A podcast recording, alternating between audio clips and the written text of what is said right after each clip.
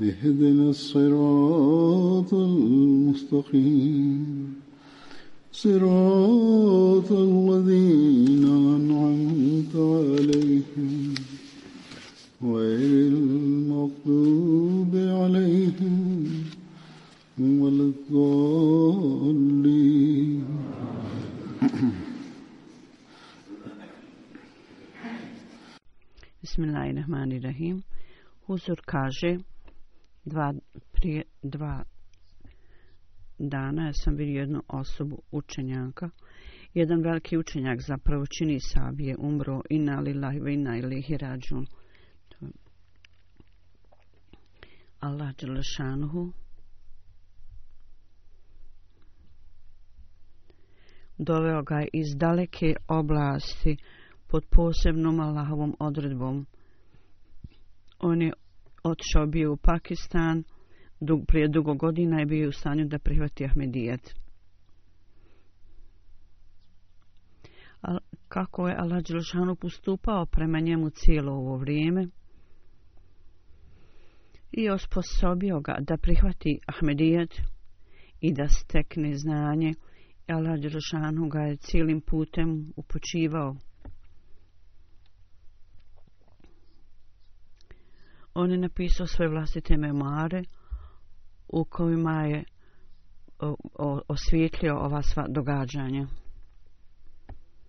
Iznio nas svjetlo. Ja ne mogu ići u detalje ovdje u hudbi. Ono što je on rekao raznim ljudima, ljudi koji su spomenuli neke komentare o njemu i meni su napisali, Huzur kaže, meni su pisali. ove stvari su jako detaljne. I opet ići u detalje ili izraziti, spomenuti sve to nije moguće. Vrlo nadahnujući događaje su tu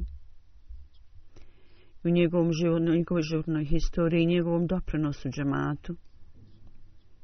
Jako je mnogo materijala dostupno da po mom mišljenju može biti napisana knjiga Hidamu Lahmedija u Pakistanu može do, vrlo dobro obaviti ovaj posao.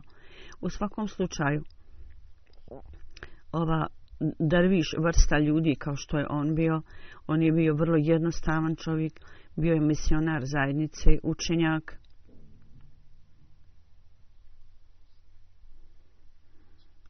I ne samo da je bio učenjak, nego je bio učenja koji to praktikova bio je Allahov prijatelj, odnosno Evlija. Ja ću spomenuti samo neke stvari koji za mu, mu, mu, misionane i, i murabije primjer vrijedan da ga slijede. I za sve ljude zapravo, za svaki Ahmedi, činjenica da je za svakog Ahmedi to je primjer razne ljudi koji su pisali o njemu, o njegovom karakteru, kao što sam rekao, ja ću spomenuti to kasnije. Osmančini Sav Sahib bio je poznat po ovom imenu, njegovo puno ime Muhammed Osman Čučuši Sahib. Ši je bio njegovo ime 13. aprila 2018. on je umro. 13. decembra 1925. je bio rođen u muslimanskoj porodici u jednoj provinciji Kini. Posle u visoke škole 1946.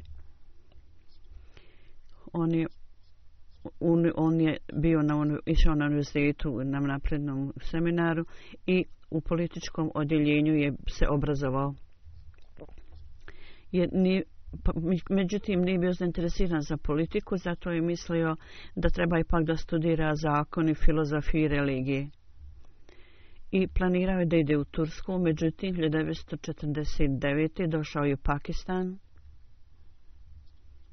i istraživao je lično i dao je zavet Bajata i započeo je studije u džami Ahmedija 57. godine.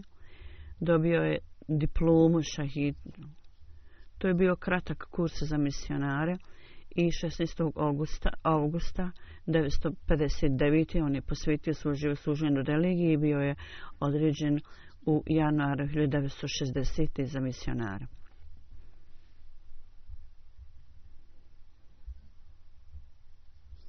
S ciljem da finish završi ovaj misionarski kurs, ponovo je upisan u džami Ahmedija da završi određene kurseve i 64. dobio je diplomu Shahid iz škole Ahmedija Džamija. On je bio u Vakaleti Tasnif u Rabvi, zatim u Karači u Rabvi. On je posvetio živu služenju džematu i 1966. ošao u Maliziju i Singapur i tamo je služio zajednici. Tri i po godine je bio tamo i nekoliko godina u Maleziji. 1970. vratio se u Pakistan i na raznim mjestima je služio kao misionar. Imao je čas da obavi umru i hodočašće Meki i postoji preseljenja kad Klifoton Mesih rabi četvrtog u Londonu. U, ra, bili, ovdje su osnovane razne službe i proširio se posao ovde i literatura tam, pre, pre, on je prevodio bilo je se više zahtjeva za prevođenje literature džamata tako da je osnovan kinesko odjeljenje i on je pozvan da dođe ovdje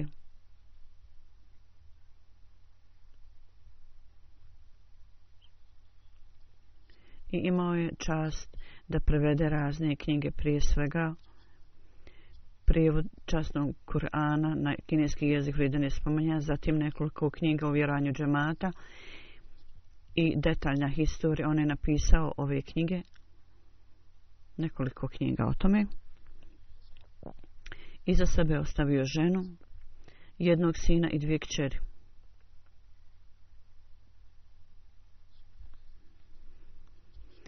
što se tiče prevoda časnog Kurana na kineski jezik 1986. On je, završao, on je započeo zapravo ovaj posao pod nadzorom Kalifatul Mesih IV. I iste godine u junu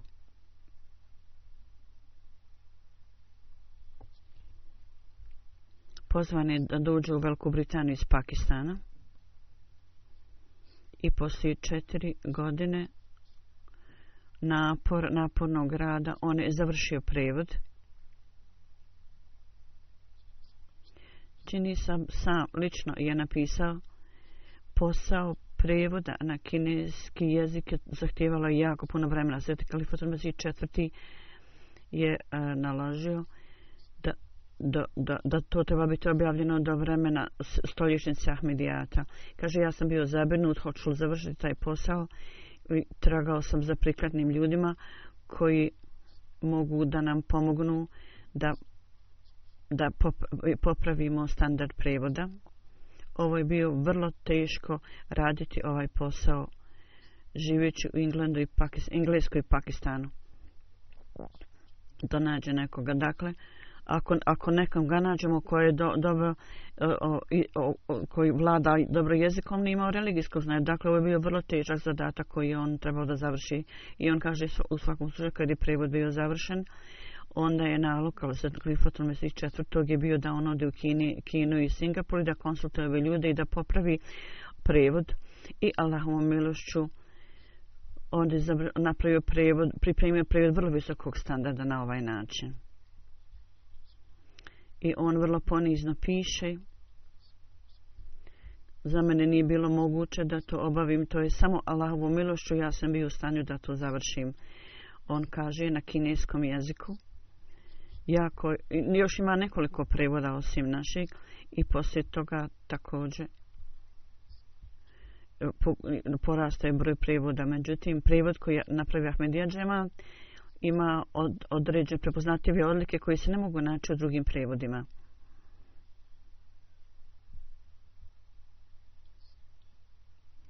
I on je napravljen, prevod ovaj u skladu sa Ahmedija u učenjem i argumentima prema znanim učenim učenjima i kineski učenjaci su napravili jako mnogo komentara i rekli su da je ovaj prevod prekrasan i dali su komplemente izvandenosti ovog prevoda. Prevod koji je džemat napravio vrlo, vrlo je popularan i velika je zahtjev za tim prevodom. Općanito govoreći, neki ljudi kritikuju da su dodane neke uh, neka načela džemata i dodano je to komentaru.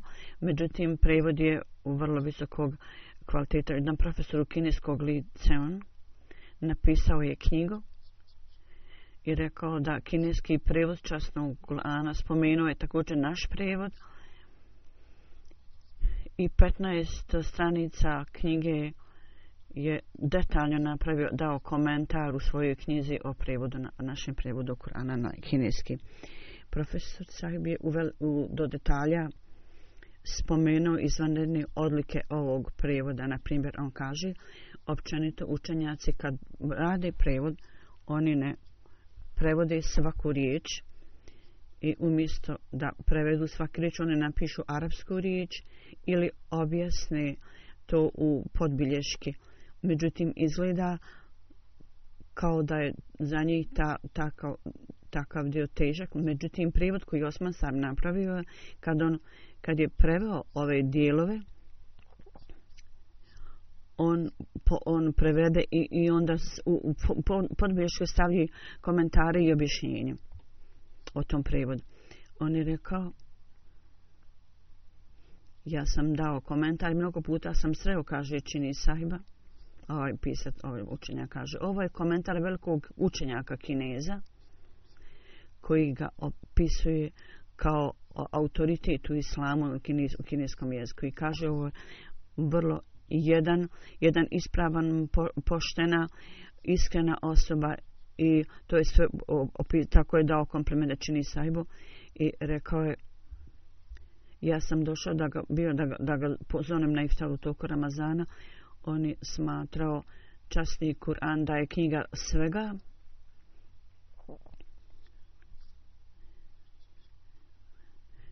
kineski prevod i, i komentar nisu u skladu sa, sa prevodom suni, suni ljudi.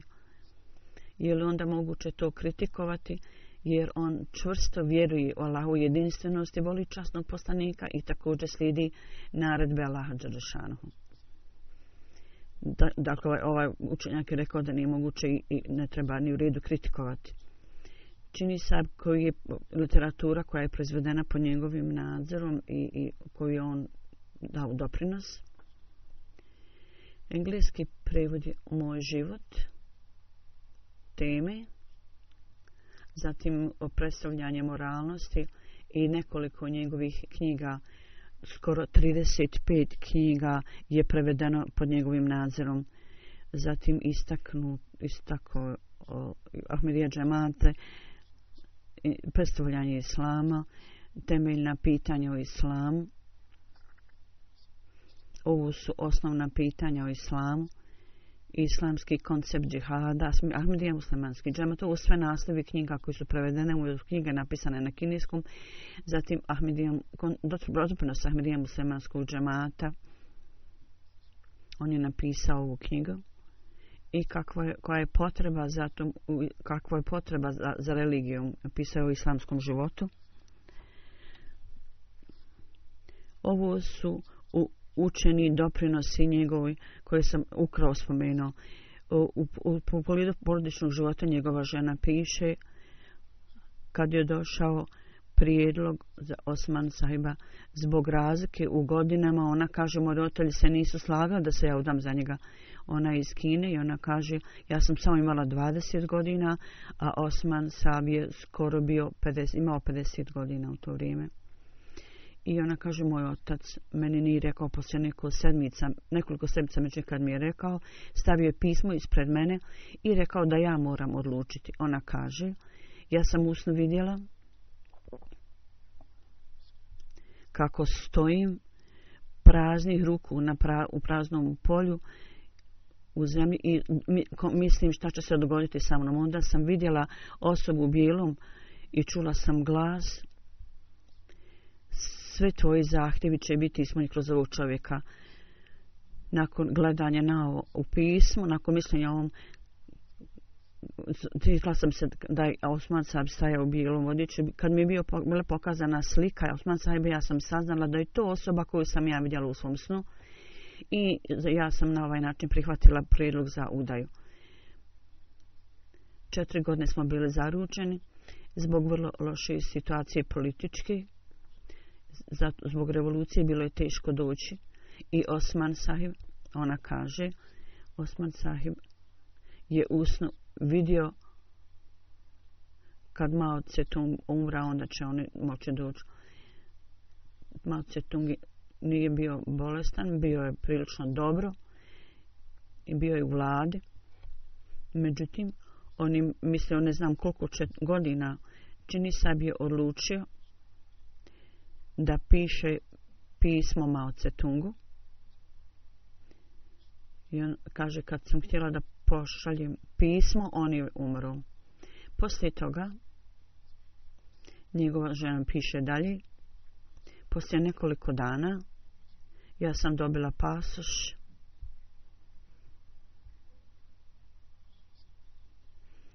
Ona kaže, ja sam došla u kuću svojih roditelja sa pasošem kad sam tamo došla. Padala jaka kiša te noći, a prije toga je bila velika suša. Jako je mnogo kiše padalo, tako da je zemlja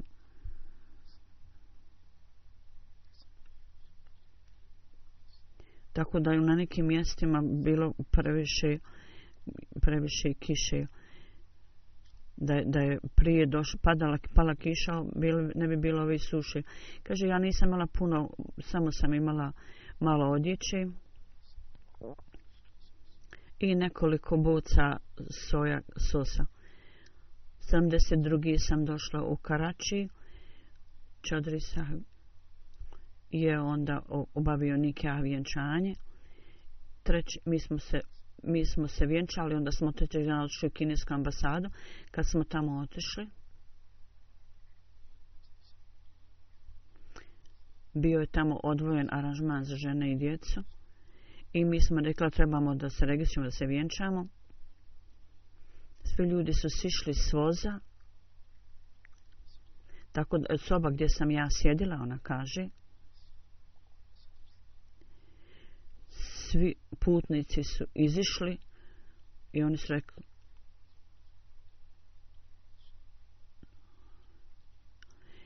jer ona kaže sišla je sa voza i trebala je ponovo da, da, o, da se popne, nije bilo moguće i kaže bila sam zabrinuta, jedan službenik me je vidio kako ja razmišljam i, i gledam ona okolo zunuli su policiju i postavili me u kinijsku ambasadu ja sam bila po, imala pokrivač na šalu ovi ljudi su sumnjali jesam li ja kinijskinja i nisu vidjeli tako da su donijeli kineski magazin i tražili od mene da čitam. Onda je bio aranžiran taksi, ovo je duga priča i kaže konačno s velikom teškoćom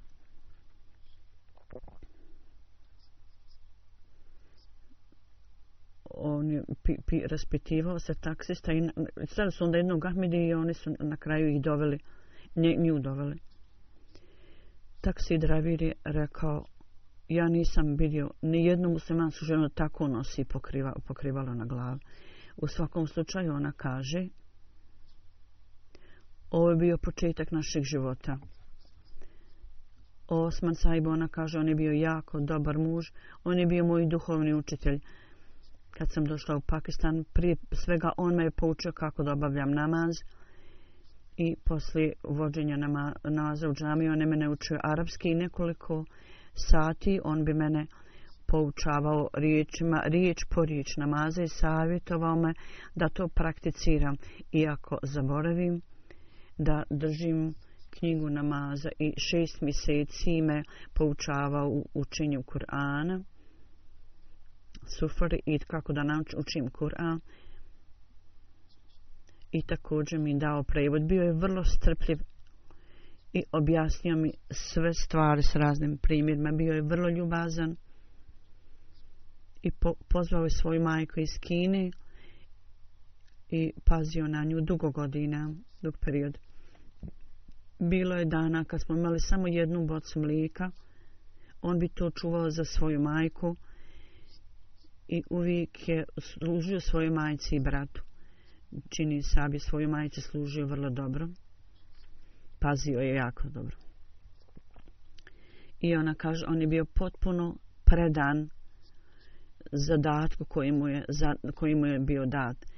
I radio bi do kasno u noć i ponekad je bilo jutro, a on je još uvijek radio. Njegov posao u kući je bio da pazi, moj posao je bio da budem, pazim na djecu. On nije bio interes, zainteresiran za svetovne stvari, bio je vrlo jednostavno pogled odjeće i hrane.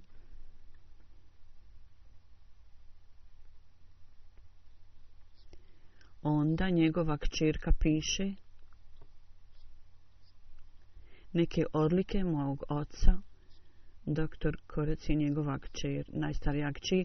Ona kaže, sve je teško to opisati, to ne bio vrlo ljubazan, neumorno je radio, vrlo vrijedna osoba i bio je vrlo skroman. U svemu je svoj, svog sina, svoju djecu i zeta uvijek bi ih pozivao da razgovara, da uzme učešće u diskusiju, razgovor. Pitao je o studijama i govorio je svrha vašeg života je da propovjedate ljudima, pogotovo kineze, i svijek nas savjetovao da duhovnost i moral, da uvijek to napredujemo u tom njegova ličnost i rekao vaša ličnost treba biti takva da to bude dokaz postojanja Boga da djeca to vje, vje, da djeca vide pa vaš primjer djeca koja vjeruju u Boga mnogo su bolja nego oni koji ne vjeruju i uvijek nas je savjetovao da kad god imamo posao neki treba da to redovno radimo da obavljamo redovno i nikada nas nije oružio i nije bi nikada bio grub prema djeci. Uvijek nas je s ljubavlju nježno savjetoval. Jedina stvar u kojoj bio strog je bio namazu i uvijek je pitao zašto, zašto ne klanjate, niste, niste, jeste li klanjali. On učinio da budemo, da smo navik obavljaju namaza i što je u džamiju pet puta dnevno i nalaze bi knjigu da, da održi govor i to um, predavanje u porodici. Zatim ova njegova čirka dalje kaže Kaštinu njihova lađa on je staru kopiju nama dao i rekao čitajte Urdu nije jako težak u toj knjizi jer Urdu u drugim knjigama je prilično težak i re, rekla je ovo je prva knjiga koju je on prvu knjigu u džamiji, u školu džamije pročitao. Onda, u pogledu pokrivanja i vea, njega je bilo, on se brinao, brinao da njegova čerka do univerzitet treba da, bu, da se pokrivaju prikladno. Rekao je, ako to nije moguće, onda u tom slučaju nemojte nikakve šminke imati. I pitao je Hazret Prefosmi četvrtog i onda dao odobrenje i rekao idite u narodni vezitit, ali uvjet je da nosite pokrivalo na glavi, ako treba to da skinete pod prinudom, onda ne smijete nositi nikakvu šminku. I poslije toga odmah se vratite. Njegova kći mu ne kaže, mlađa kći kaže,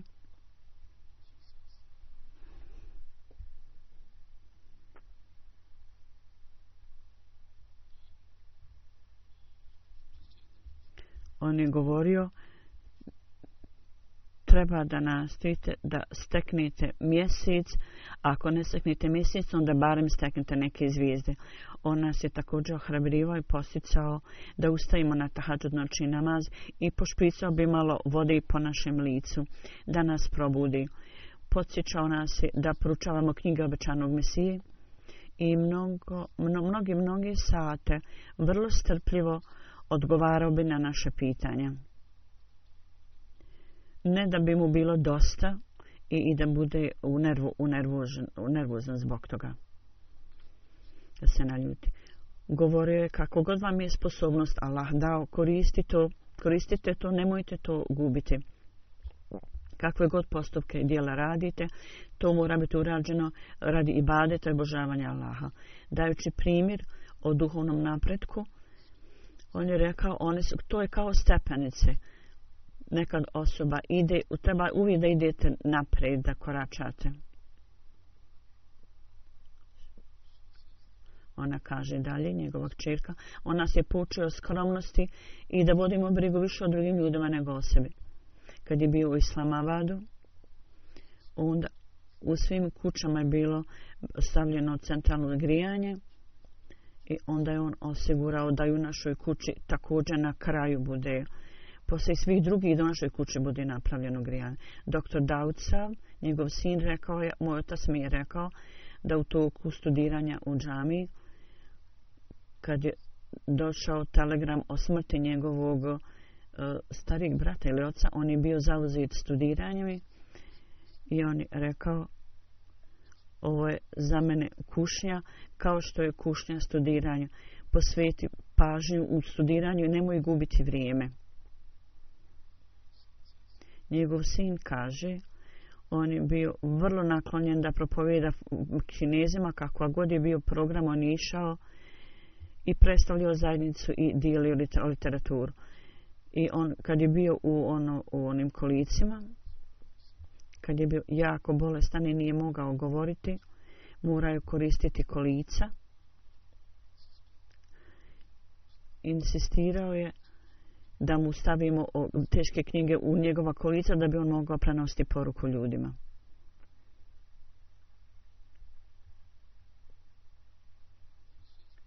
Onda on kaže, kad sam ja bio prilično mlad njegov sin,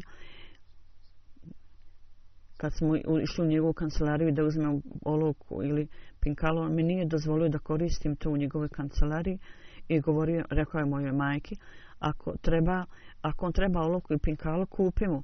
Ako treba kopiranje, da nešto kopira, donosi papir od kuće i onda možeš kopirati na ovoj mašini. Ukratko, njegov sin piše,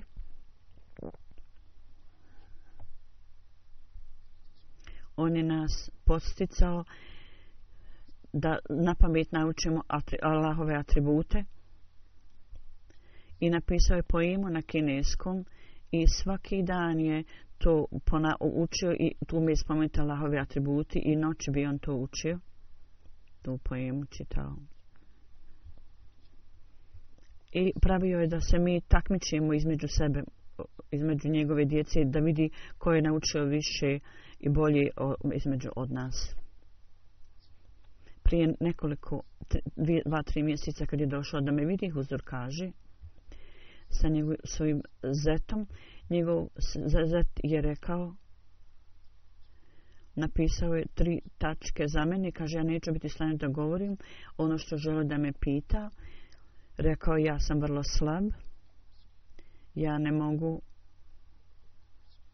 stajati ja sjedim u, u kolicama, želim da se izvinim za to, on imao veliko poštovanje prema halifatu. Onda, drugi stvar, molim te, moli Allaha da ja nastavim propovjedati do zadnjeg dana.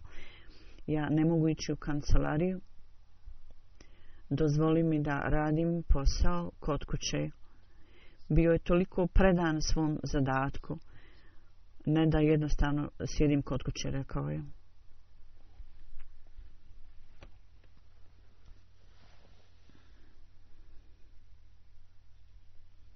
kad je otišao na hač, njegov zet je također bio s njim. On kaže, Osman sahib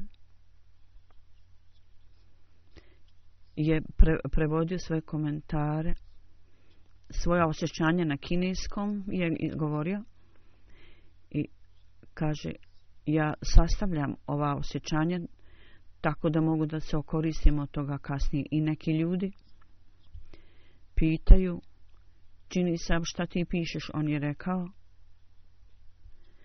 Ja molim za svoje kineske ljude da ih Allah uputi istinskom islamu. I ovi ljudi su bili jako iznenađeni i on oni kažu osoba koja je slaba i ne može da, da hoda bez potpore, međutim brine se o, o, o, o dobrobiti i uputi ovih svojih ljudi, svog naroda.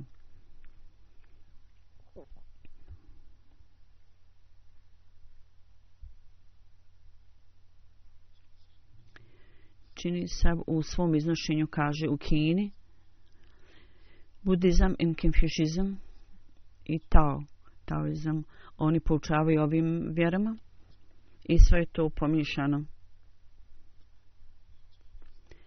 Mnogi Kinezi postupaju po isto ne po tri ove vjere. I oni su stavili zajedno i sad su stvorili novu religiju i religiju. Tarile pogotovo istaknuto je moralno stanje čovjeka i moral. I kaže, moji intervju su objavljeni u tri novine, kineske novine. I u Maleziji su bili ljudi nove religije i to društvo su od mene pitali da napišem samo o moral, članak o moralnom učenju islama. Tako da moralno učenje islama, onda oni, oni su željeli da to objave u magazinu. Ja sam onda napisao članak. Oni su odgovorili čini sabu. Postali ste vrlo lijep članak o islamu. Mi smo vam izuzetno zahvalni. Vi ste neovisno spomenuli stvarnost o učinju islamu. I vaša diskusija je bila u, do vrlo deta, u, u detalji i dokazuje da da ste vi stekli jako puno znanja. Kinezi ne znaju mnogo o islamu. Razlog je što povjedanje nije obavljeno u, na, na, u, na kineskom kinezima, a sada biste došli u Singapur, zato ne uzovem bio misionar. I prirodno u islamskim zemljama ova poruka treba, treba iz islamske vata dođu u, kini, u Kinu tako da oni mogu da imaju tu poruku, da prime poruku. njegov školski kolega je bio i studirao u to isto vrijeme, izvinjavam se, nisam čula ime, bio njegov školski drug i on kaže, Osman čini sabi je bio moj školski drug i u vrijeme mladosti bio je vrlo pobožan, dobrog morala i vrlo dobrog vladanja. I obavljao je namaz s velikom predanošću i vrlo predano obavljao namaz i postio dobrovoljni post i također spominjao Allah i potpuno je bio predan tome. Nakon što je blagoslov Ahmedijata, on je izražavao zahvalnost i uvijek je pokazivao predanost i dobar moral.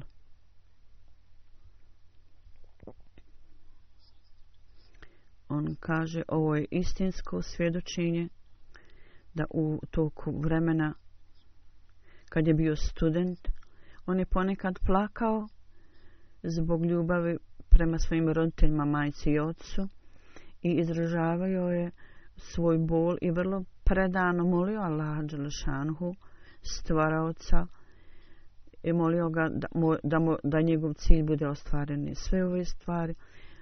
Kaže, u, u stare doba ja sam just, uh, ljub, ljubljivona sam na ovim osjećajima i kako, baš kao doktor Zafrula sve što je on što ga je boljelo Allah mu je dao sve ove stvari zbog blagoslova Ahmedijata i blagoslovio ga je Allah i takođe ljudi su se okoristili od ovog i on kaže u toku perioda kad Abdul Kurem, Karim Sahib i Latif Sahib u toku tog vremena i mnogi drugi učenjaci On kaže imao sam priliku da tražim od ovih ljudi da moli za mene i čini dove i kaže vrlo paživo mogu svjedočiti s punim razumijevanjem da predanost i žudnja za ibadetom i za dovomom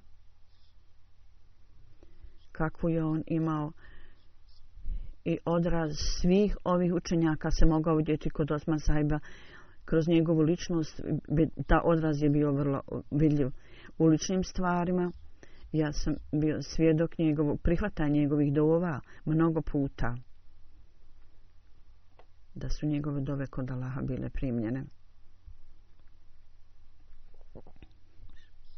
On piše...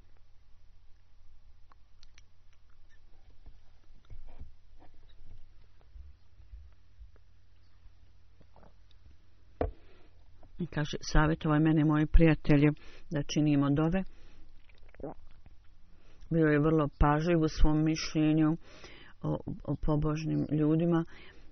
I isto je tako, sa, isto mi je savjetovao sve prijatelje oko sebe. Bio je potpuno predan halifatu. I također je bio zahvalan za dobrotvornost i, i, do, i, i dobročinstvo koje, koje je džemant e, mu donio. I uvijek, kad, uvijek bi pitao jeste li pisali halifi vremena kad bi mu neko saopštio nešto. Predsjednik džamata u Islamabadu, doktor Izvan, kaže On je toliko imao ljubavi prema Ibadetu da zadnjih nekoliko dana, zadnjih nekoliko godina zapravo, i vrlo kratko razdaljen on bi, on bi zastao i da, da, da održi da disanje, imaju problema disanju i kaže bili su u, u, u, toku zime razmak između namaza je kratak ja sam rekao možeš onda sastaviti akšam iša ili ostani u džami on je rekao meni je dobra mi je vježba da ja hodam i ja dobivam nagradu da prevazilazim tu razdaljinu koja nije bila velika ali on bio bolestan I kaže, to za mene je nagrada da ja še hodam od kuće do džame. Reši Beširin sahib piše da njegove dove, njegov ibadet, i Ahmedi i Nahmedi su imali blagoslov od toga kad je bio u Karači u, tijeku, u toku ovih dana. I Ahmedi i Nahmedi su dolazili da diskutuju privatnim stvarima s njim i tražili njegove dove. I poslije dova, njegovih dova, njegov veliki problem su bili, bili rješeni. Ukratko, u Rigeru u ulici, jedan kineski molvi je, je širio prima, primanje, kako se primaju dove i učenje Ahmedijata kad je došao u Veliku Britaniju. Ahmedi su dugo vremena ga spominjali. Spominjali ga i sjećali ga se. I on kaže, On je bio izuzetno poslušan svojoj majici i u služenju njoj. Ponekad bi njena majka, njegova majka koristila grube riječi, a on bi uvijek uh, trčao prema njoj i pomagao i služio joj. Njegova ljubav i naklonost koju je pokazivao svojoj majici, to je bilo izvanredno. Mađano Muhammed sahib član džemata Kirgistanu, kaže Osman Čin sahib. 1994. sam ga sreo u toku putovanja. Ja nisam vidio, spoznao da je on Ahmedi, da je učenjak džemata, džemata Ahmedija. Međutim, kad je penjao se na, na, na voz, rekao je Bismillah, ja sam vidio da je musliman. Ja sam onda prišao i počeo dis, diskutovati s njim na razne teme. On je pitao mene, znaš li ti o džamata Ahmedija? Ja sam rekao ne, ja ne znam. Poslije toga me je pitao da li čitaš kineski prijevod časnog Korana? Ja sam rekao da. Onda je on rekao, koliko mnogo prevoda ima na kineski jezik časnog Kurana. Ja sam rekao sve prevode koji postoje, ja sam ih pročitao. Osman sahib je onda pitao da, da li znaš sve prevodioce časnog Kurana. I onda je Osman sahib rekao, među ovim prevodiocima je ime Osman Čul, znaš li ga? Ovaj čovjek je rekao, da, znam ga ali nisam pročitao njegovu prevod, niti sam ga sreo. Onda pitao je Osmanca, kako znaš Osmanca? Onda je rekao, ne, ja samo znam da je on veliki učenjak i da je preveo časnik Kur'an na kineski jezik, ali nisam ga sreo. U tom momentu on je rekao, ja sam taj Osmančo. I ovaj čovjek kaže, ja nisam vjerovao da sam se susreo s njim. On mi je dao svoj kontakt kako ga mogu kontaktirati, gdje će privremeno boraviti. Ja sam uzela adresu i posle nekoliko dana on me telefonirao. Čini sam mi je rekao, ja želim da te vidim u tvojoj kući. Tako nisam mogao da zamislim da tako veliki učenjak će da uči mojoj kući da se sretni sa mnom. Ja sam ga primio u svojoj kući, tamo su bila dva pakistanska prijatelja i deset minuta smo razgovarali zajedno. Poslije toga osmačini sa me pozvao. Ja sam rekao, ti si gost ovde, ja sam tebe trebao pozvati. I on je rekao, ja sam student. Posle toga otišli smo u hotel i, i ručali i diskutovali smo o raznim stvarima i rekao jednog, jedan dan, kad, jednom, kad sam ušao da ga vidim, tamo je bio centar, tamo smo sjeli i diskutovali i Osman Čusa je diskutovao na temu smrti Hazreti Isa i Hatmene Vojđini i Đađuđi Mađuđi. I o, postavili su mu razna pitanja. Ja sam dao odgovor koji normalno muslimani obično daju. Osman sam je, je onda dao ispravan odgovor na sva ova pitanja. Ja nisam našao odgovarajuće riječi da mu se zahvalim. Ja sam se bio zadivljen odgovorima koje on dao. Slično tome, također mi je dao kopiju prevoda i neke druge knjige i rekao, čitaj to i piše mi kako, kako šta misliš o ovim knjigama. On kaže, ja sam pročitao ove knjige, moje razmišljanje se promijenile, ja sam saznao o, zavit baja, o zavitu Bajata i dao sam zavit Bajata. I on kaže, ja uvijek smatram velikom čašću da sam saznao o istinskoj zajednici koju je džema, koji, o džematu koju je osnovo ima Mahdi Ali Salam. U pogledu primanja dova, mnogi ljudi su pisali Išad sahib kaže Ja sam putovao iz eh, Islamabada u Karači i na putu bio je program Atfal, bilo je 60 djece s nama i mi smo klanjali nama zajedno i jedan ne, neko saznao da smo mi Ahmedi ljudi i onda su hođe počeli da propovjedaju u dilu voza da poduzmu nešto protiv nas. Ja sam bio jako zabinu, čini sad bi bio s nama. I razni ljudi su bili određeni na dužnost bezbeđenja. I Osman sad je rekao, vi samo sjedite i činite dove, uči, molite Allah, to je naša dužnost. I hoće su planirali kad voz stigne u Multan da će poduzeti neke korake. Međutim, Multan je došao i prošao. Mi smo došli do tog mjesta i prošli. Oni nisu poduzeli ništa. I Hođa je morao izaći u Multanu, međutim spavao je. I na drugoj stanici je onda kasnije isišao s voza i tako smo bili spašeni od njegove, od opasnosti ovog čovjeka. Ovaj još jedan gospodin kaže, službe za, za unutrašnje poslove nis, nisu mi uradili e, što sam tražio, valjda pasoš je tražio i onda ja sam uzimao dopust sa posla i nekoliko mjeseci sam išao i vraćao se. Jedan dan ja sam sreo os, čini sab, on se vraćao kući nakon namaze, ja sam mu rekao problem vezano za pasoš, on je stajao nekoliko momenata, i molio Allah, činio dove i plakao. Ja sam bio jako zabrinut i postiđen da on za mene uči i neki drugi ljudi su također priključili tome narednog dana. Ka, kad smo telefonirali, nije bilo, nije su, bilo službenika i onda je, onda je šef odeljenja odgovorio.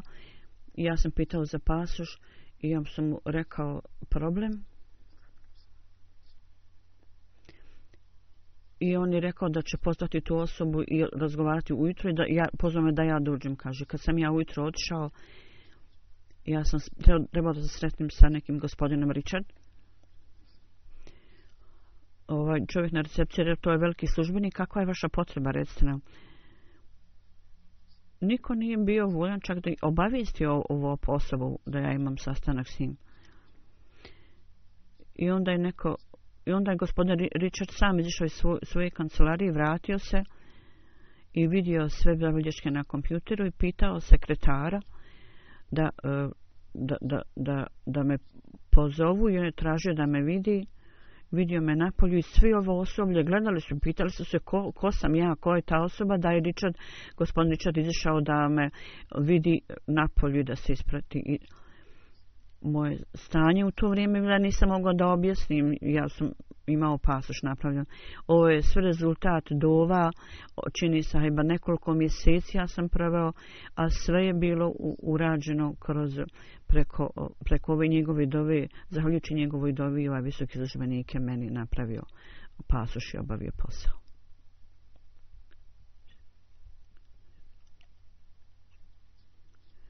jako je mnogo ovakvih događaja kao što sam rekao, ne možemo ih sve spomenuti. Ja sam samo spomenuo nekoliko. Said Hussein, misionar, kaže u sedmičnom, na sedmičnom sastanku misionari nisu imali privoze, nego su išli autobusom nekada po noći nekada uz pomoć članova Amila, međutim Osman čini se nikada ni čekao na to, on bi, po, on bi počeo ići pješke natrag, uzeo bi javni prevoz ili nešto drugo što bi bilo dostupno. Mjesto gdje je boravio u misionarskoj kući,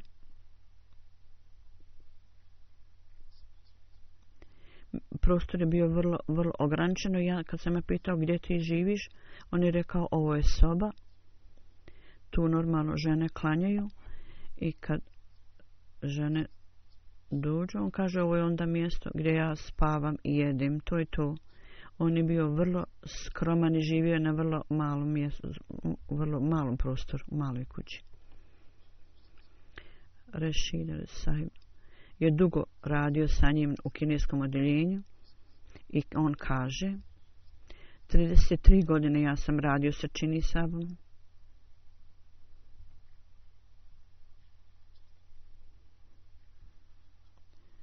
ima istaknute neke stvari, pogotovo u zajedničkom namazu.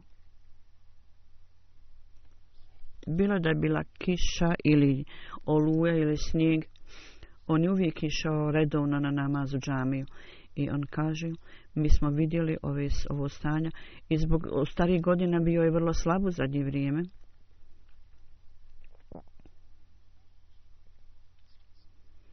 i s velikom teškoćom je prelazio tu distancu i teško je hodao. Redovno je klanjao tahadžu noćni namaz, bio je redovan u tome. Jedan put mi smo otišli u jednu oblast u Kinu poslije dugog putovanja i diskutovali smo stvari sa lokalnim Ahmedim dugo vremena i misli smo da će biti teško da ustanemo na tahadžud mečin ujutro. Ja sam vidio da on klanja tahadžud namaz iako je kratko klanjao, međutim, e, međutim nije nikad prepuštao. Čini sahib lično kaže i on je to prenio, da kad je došao u rabvu, vidio je da starješine rabve klanje obaljuju namaz sa velikom predanošću i plaću i, i sa žarom obaljuju. Allah sluša njihove dove i ovo što njega jako impresionirao on je odlučio da će slijediti koracima ovih velikih učenjaka Hazreti Kalifatul Mesih drugi ima imao nje čini sebi imao njegove upute i Hazret drugi ovi učenjaci su također spomenuli njegov slučaj uzu sada navodi njihova imena Mahadi Ibrahim Saib Karampuri Sejid Valiullah Shahib on imao blagoslov njihovog društva i Allah Đelešanhu zbog društva ovakvih pobožnih ljudi njegova ličnost je bila tako oblikovana i on je uvijek ovečavao svoj odnos i vezu sa Allahom a tako je osnovo vezu čvrsto sa u društvu ovih ljudi i on kaže ovaj prenosilac bio je vrlo aktivan, sam bi bio vrlo aktivan u prenošenju poruke, bio je vrlo ponisan čovjek i malo je govorio. Međutim, kad bi započelo prenošenje poruke, on je bio jako uzbuđen i satima bi govorio. I ponekad, kad bi govorio na telefon, zaboravio bi o vremenu i možda sat ili više nastavio je govoriti, nastavio bi govoriti. U, gost, u gostoprimstvo je također naslijedio i rekao, moj otac je bio jako gostoprimljiva osoba. Samo u našu kuću su ljudi mogli dolaziti. U gostoprimstvu njegova žena je pomagala i uzimala ugleda ulogu u gostoprimstvu također. Slično tome, on je vodio brigu o starijim ljudima, bio bi bio jednom sastanak kasno u noći.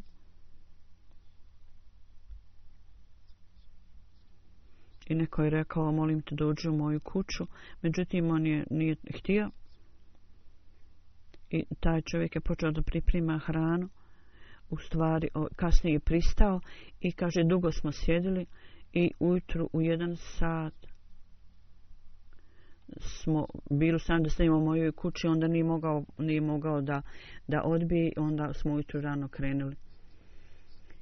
Još jedan ovaj učenjak um, i džemata piše. Kad su od mene tražili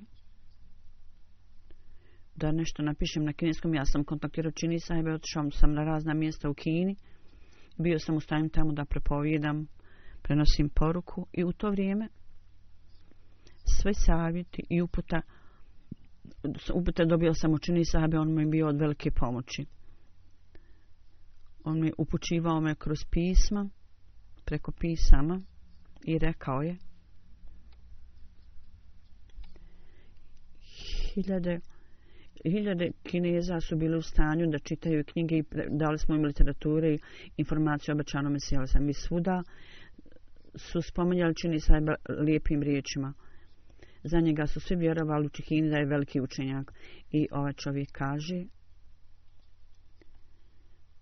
literatura koja je on ostavio za sebe, niće mu dozvoliti da ikada umre. I nekoliko knjiga koje je napisao su kao Oken. Okay koje je on uzeo iz duhovne riznice iz obećanog eh, obećanog mesije i to eh, i, i to napravio svoje knjige. Bio je vrlo učena osoba i vrlo privlačna. Ja sam ovo saznao kad sam otišao u jednu školu u Kini, kad sam tamo otišao prvi put, nisam pazao nikakve reakcije u Kini, kad sam došao drugi put, svi kinezi muslimani i imam susreli su se sa mnom s velikom naklanošću. Ja sam pitao nekoga kakav je razlog da kad sam došao prvi put, vi niste pokazali o ovakvu dobrodošlicu. Jedan kinijs prijatelj rekao mi je knjige koje smo ostavili s ovim ljudima, pogotovo prijevod ovih knjiga i pisanja obećanog mesije, kad smo pročitali prijevode ovih knjiga, bili smo izuzetno izuzetno e, zadivljeni. Mi nismo čuli ove stvari prije. Bilo bi nam drago da se još više i više knjiga, da se više knjiga donesete nalik ovim. On kaže,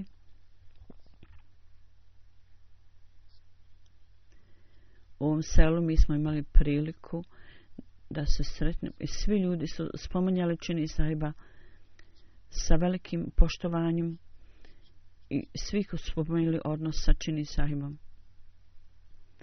i svi ljudi su pazili na nas i pokazali veliko gostoprimstvo sam, samo zbog toga što ja sam znao čini sahiba i što sam predstavnik zajednice. To je nije huzur rekao, znači nego je neko drugi pisao huzur. Englijski prijevod časnog Korana, kinijski prijevod časnog Korana koji on napravio, kaže, vrlo je lijep prijevod i lag za razumijevanje. E, riječitost i učen, učeni dodir jezika, je poseban, imamo dostupne mi drugi prevod. Međutim, prevod koji je on napravio nosi jednu vrstu autoriteta u, kines, u Kini. Ja sam ovo uvidio nakon što sam se sreo sa učenjacima koji su izrazili različitost između tog prevoda i, i drugih i, i iz, izrazili to uprko s e, načini, razlika u načinima. U toku jedne posjete jedan stari imam kad je vidio ovaj prevod u mojoj ruci, uh, bio je sjaj u njegovim očima, on je bio vrlo sretan i sa zadovoljstvom je rekao, ja sam tragao za ovim prevodom, možeš mi molim te dati prevod, taj kopije prevod. Ja sam rekao, samo imamo jedan prevod, ali molim te daj nam adresu, mi ćemo ti nabaviti kopiju, kopiju, čini sam, rekao. Prevod čini sam. On je rekao, molim vas, pozajmite mi kopiju prevoda Kurana neko vrijeme bilo je skoro 1400 stranica. Mi smo sve to fotokopirali i dali kopijom čovjeku. On je tako bio sretan kao da je stekao veliko zadovo, veliku riznicu. To jeste riznica, ali on izrazio toliko zadovoljstvo što je to dobio. I njegov kontakt jako je mnogo ljudi s kojima je imao, do, imao dobar kontakt. Drugi misionari koji su tamo boravili također spomenju istu stvar. Kad god smo otešli u Kinu, svuda čini sahib Čini se i ba su spominjali tamo. Još jedan gospodin je također tamo boravio, ne bio misionar u Pakistanu, on kaže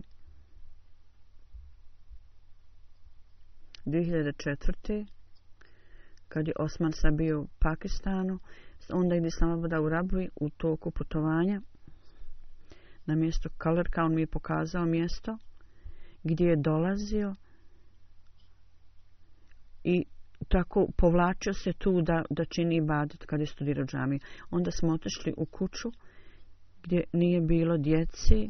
Poslije deset godina brakovi ljudi domaći naše nisu imali djeci i tražili su dovu mi smo činili dovu i on je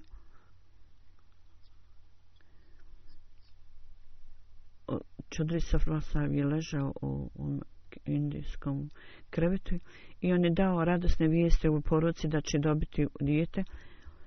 Kaže, kad sam ja tamo, otkad on tamo povlačio se, u toku kalifatul mesih drugog, on je sretao mladu neku osobu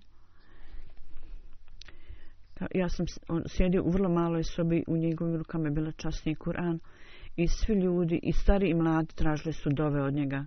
Dok se, u to vrijeme dok se je povlačio i učio, s osmihom na licu, on bi od, od, uvijek odgovarao i bio je vrlo ljubazan. Ahtar Nurisa piše, kad su radili, bili na neko mjesto, on se sreo prije 40 godina sa Čini Sahibom on je bio dijag, dobio diagnozu da imao srčani udar i nije bilo nije bilo lijeka za to i bio sam jako zabrinut. Jer nije bilo neka, i nije bilo nekakvog drugog izlaza osim dove. On kaže, takvi ljudi pri, šanse za, pre, za preživljavanje su vrlo male i oni ne, ne žive, žive možda par godina ja sam sam kaže, ja sam bio iznenađen, ja sam se nekoliko puta sreo sa njim uprkos bolesti. Bili su znakovi bolesti tu, ali on nikada nije, nije dozvolio da mu na put stane bolest, da stane bolest na put njegovog ispunjavanja njegovih obaveza i rada i posla. I nikad se nije dogodilo da zbog bolesti on ne bi obavljao svoju dužnost, ili da napravi prekid u obadetu. Jedan dan je bio snijeg i ja sam rekao, mislio, neko je rekao da nije moguće i možda niko neće doći na namaz. Da bare mi, mar, i, mi odemo i da otvorimo džami. Mislili smo da će biti teško začini saba da dođe. Od smo otvorili vrata, mi smo vidjeli da čini sam ne samo da je bio prisutan tamo, nego je došao mnogo ranije i klanjao je tamo tahadžud namaz. A Taulu Mujib sad kaže, nekoliko stanica on je, napi, on je pisao i kaže, ovo je vrlo gud kratki sadržaj, on kaže, Osman Sabi je napravio veliku prazninu, on je bio veliki učenjak i ja sam mislio o njegovim odlikama, njegovim posebnim odlikama. On je bio puni badeta i njegove dove su bile prihvaćene kod Allah. Bio je vrlo redovano namazu. I uprkos bolesti i slabosti, bio je vrlo bezazlena osoba i uvijek mislio dobro o drugim ljudima i davao savjeta. Vrlo jednostavan, vrlo neslužbena osoba, vrlo gostoprimljiv i insistirao je na gostoprimstvu. Bio je vrlo uh, ohrabrivao je drugi i bio je vrlo hrabar. Uvijek je bio zauzit u ibadetu i uvijek je obavljao svoje dužnosti i odgovornosti predano. I bio je potpuno predan svom poslu. Bio je vrlo predan sluga halifata. Uvijek je imao osmijeh na licu.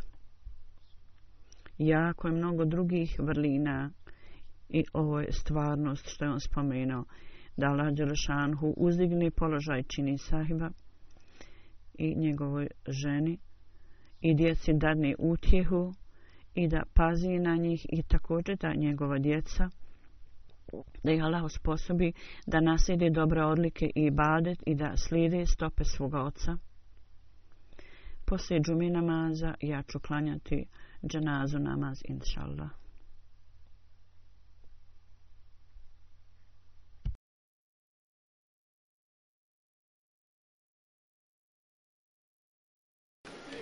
الحمد لله الحمد لله نحمده ونستعينه ونستغفره ونؤمن به ونتوكل عليه ونعوذ بالله من شرور انفسنا ومن سيئات أعمالنا من يهده الله فلا مضل له ومن يضلل فلا هادي له ونشهد أن لا إله إلا الله ونشهد أن محمدا عبده ورسوله